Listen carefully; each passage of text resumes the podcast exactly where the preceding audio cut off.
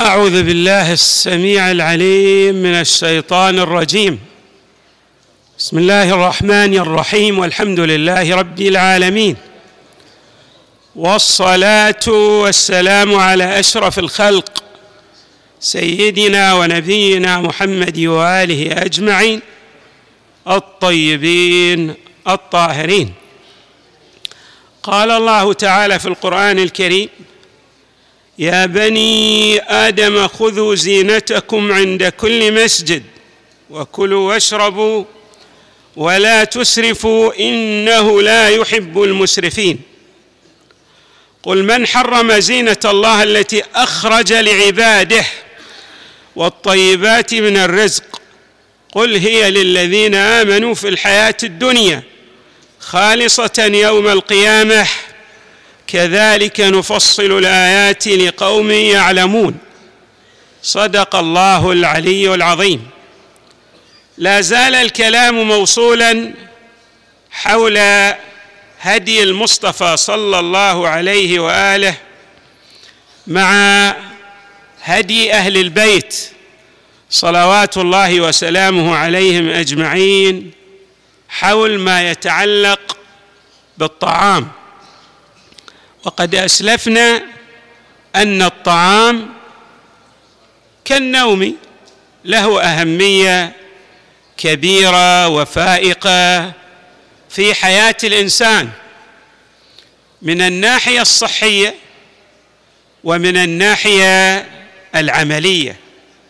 ولهذا أولى القرآن الكريم والروايات الواردة عن أهل البيت وعن المصطفى صلى الله عليه وآله الطعام هذه العناية. والروايات الواردة في مسألة الأطعمة وكذلك الأشربة تعنى بجوانب متعددة. من أهم هذه الجوانب مسألة الكيف في الطعام. بمعنى ما يتناسب مع الإنسان في صحته وإنجازاته في حياته. كل إنسان له أطعمة تتناسب وإياه. في الأعم الأغلب ما يصلح لبعض الناس قد لا يصلح لبعضهم الآخر. ولكن هناك أمور عامة. بمعنى أن الأكثرية الساحقة من الناس بالنسبة إليها مفيدة هذه الأطعمة. كالشعير مثلا كالتمر ك في الفواكه مثلا كالعنب والرمان. وما إلى ذلك في الخضار أيضا. الروايات الواردة ركزت على الأطعمة التي تمثل قواسم مشتركة يعني تصلح للجميع. وحري بالإنسان الذي لا يتناسب وإياه بعض الطعام أن يكتشف عدم التناسب من خلال التجربة على شخصيته ليبتعد عنه. بمعنى آخر قد يكون هذا الرمان المفيد لعامة الناس غير مفيد بالنسبة إليك ولا مانع من ذلك كما أن في الروايات إشارة إلى ذلك. اذا هناك عناية للروايات من ناحية الكيف إذا صح التعبير. وهناك أيضا عناية فائقة للطعام من ناحية الكم. ولعل الروايات الواردة في العناية بالطعام من ناحية الكم هي الأكثر. يعني روايات متعددة وكثيرة في الأطعمة من ناحية الكم. يعني تعنى بالجانب الكمي لأن أكثر الناس لا يلتفت إلى الكمية المحددة في الطعام التي تتناسب وإياه. بمعنى تعطيه الطاقة اللازمة دون إسراف كما أسلفنا في الآية المباركة التي تقول كلوا واشربوا ولا تسرفوا.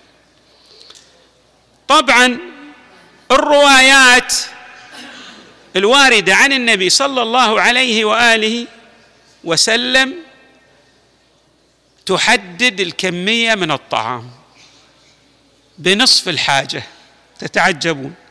في الدراسات الحديثة الأمر مختلف. دراسات الحديثة قرأت بعض الأبحاث تقول تأكل بنسبة سبعين في المئة إذا أردت الاستفادة من الطعام. لكن في الروايات فقط تأكل بنسبة خمسين بالمئه إذا أردت الاستفادة من الطعام. يعني الطعام كي لا يرجع عليك بالضرر لا يتجاوز أو لا تتجاوز نسبة الأكل الذي تتناوله من الطعام الخمسين بالمئة. روايات وردت عن النبي وعن الأئمة عليهم السلام في هذا الشأن. طبعا صعب على الإنسان عندما يجلس على مائدة فيها أطعمة متعددة ما لذ وطاب أن يمتنع بنسبة خمسين بالمئة.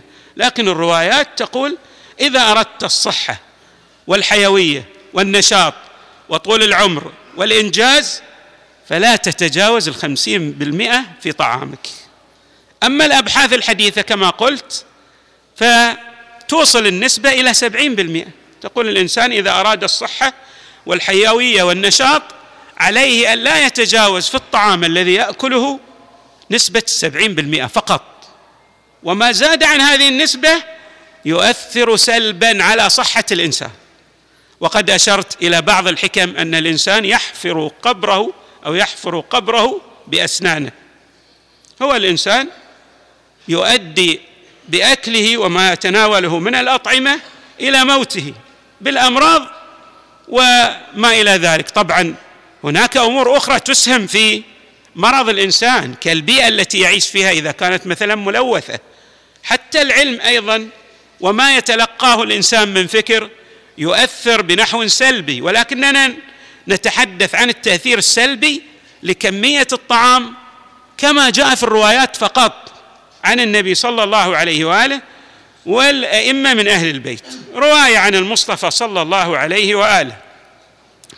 يقول فيها صلى الله عليه وآله وكلوا واشربوا في أنصاف البطون فان فإنه جزء من النبوة يعني من التعاليم التي جاء بها الأنبياء أن يأكل الإنسان في بمقتضى هذا التعليم النبوي أو الهدي النبوي للأنبياء والرسل ليس فقط عن النبي صلى الله عليه وآله كل الأنبياء. نصف حاجته يأخذ من الطعام. إذا أراد الحيوية والنشاط والفاعلية لأن الإنسان عندما يأكل على يعني يجلس على المائدة ينسى نفسه. ولكن الجسم فقط بحاجة إلى هذا الخمسين بالمئة كما تشير الروايات.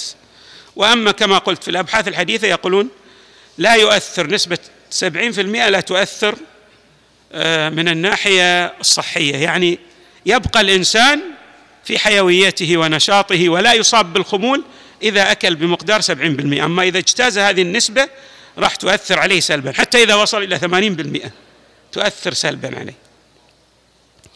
طيب إذا هذا الهدي النبوي يقول إن الطعام الذي يعطي الحيوية والنشاط إذا لم يتجاوز الإنسان في طعامه نسبة الخمسين في المئة.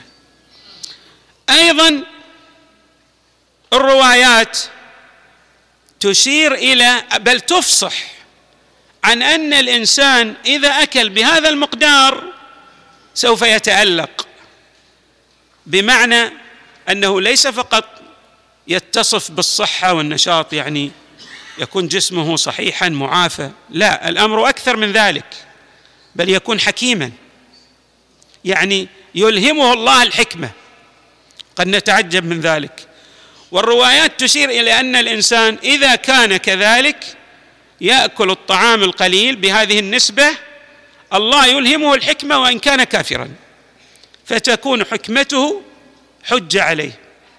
يعني ما معنى يلهمه الحكمة؟ يستطيع أن يدرك الصواب من الخطأ في الأشياء. يصير عنده نظرة ثاقبة في فهمه للأمور. هذا الحكيم. يضع الأشياء في مواضعها نتيجة لإدراكه للأمور. يصير عنده ثاقبية من الفكر. ورد عن إمامنا أمير المؤمنين عليه السلام في هذا الشأن. إذا أراد الله سبحانه صلاح عبده ألهمه قلة الكلام وقلة الطعام. ما يتكلم إلا أن يكون الكلام الذي يصدر منه مثل ما نقول موازين له موازين.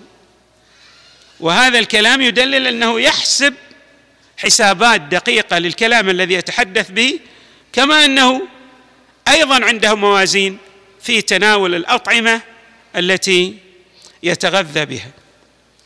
أيضا تشير الروايات إلى أن هذه الحكمة بكثرة الطعام تزول. ورد عنه صلى الله عليه وآله لا تميت القلوب بكثرة الطعام والشراب فإن القلب يموت كالزرع إذا كثر عليه الماء. شلون الزرع إذا غمره الماء يموت؟ كذلك أيضا آه، مسألة الإنسان إذا ازداد في طعامه يؤدي به ذلك إلى زوال حكمته. وعنه صلى الله عليه وآله ما ملأ آدمي وعاء شرا من بطنه. يعني الإنسان ما في شيء يتأذى به مثل كثرة أكله لطعامه.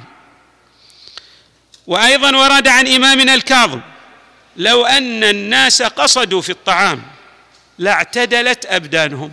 يعني أنت اللي تشوف هذه الإشكاليات التي تعتري بعض الناس هذه ناتجة من الإكثار في الطعام أو من الإقلال في الطعام. أيضا الإقلال في الطعام وردت روايات تبين أن له تأثير سلبي جدا. يعني لا تلتفت إلى أنك تريد أن تقل من الطعام بحيث ما تأخذ الحاجة الكافية اللي هي بنسبة الخمسين بالمئة. لأن ذلك أيضا سيؤثر تاثيرا سلبيا وعكسيا. لأن الإنسان يحتاج أن يأخذ حاجته من الأطعمة المتعددة أيضا. كما هذا أيضا بالنسبة للروح. الإنسان يحتاج أن يعني أن يمارس عبادات متعددة لينمو روحيا. ينمو روحيا. ليس من خلال عبادة واحدة. لأن هذه الروح تحتاج إلى أغذية متعددة كالجسد يحتاج إلى أطعمة متعددة وهذا بحث طويل ولكنه جد هام ومفيد بالنسبة لعامة الناس وقد أفصحت عنه الروايات بنحو كثير كما في هذه الروايات التي أوردناها. يقول المصطفى صلى الله عليه وآله لا تشبعوا فيطفأ نور المعرفة في قلوبكم. الإنسان إذا أكل إلى حد الشبع راح. ما يضع الأمور في موازينها. وعادة يصاب بالخمول والتخمة ولا يستطيع إنجاز الأمور التي يهدف إلى إنجازها.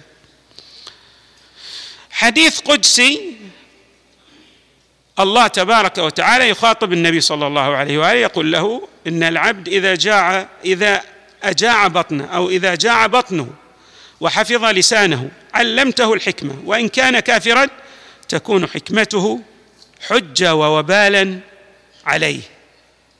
أيضا رواية عن النبي صلى الله عليه وآله من كثر تسبيحه وتمجيده وقل طعامه وشرابه اشتاقت إليه الملائكة. الملائكة تشتاق إلى هذا الشخص الذي يقل في طعامه بحيث يصبح حيويا.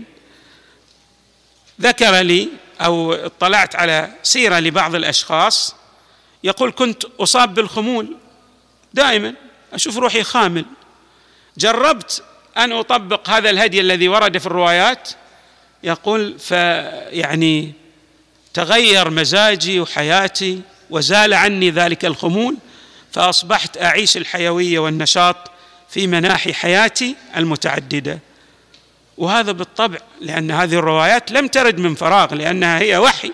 والله أعلم بالإنسان وباحتياجاته فهذه الروايات هي تعاليم إلهية نطق بها الأنبياء والرسل والاوصياء نسأل الله تبارك وتعالى أن يجعلنا من السائرين على هدي المصطفى صلى الله عليه وآله وآله الأئمة من أهل بيته. عليهم السلام والحمد لله رب العالمين. وصلى الله وسلم وزاد وبارك على سيدنا ونبينا محمد وآله أجمعين الطيبين الطاهرين.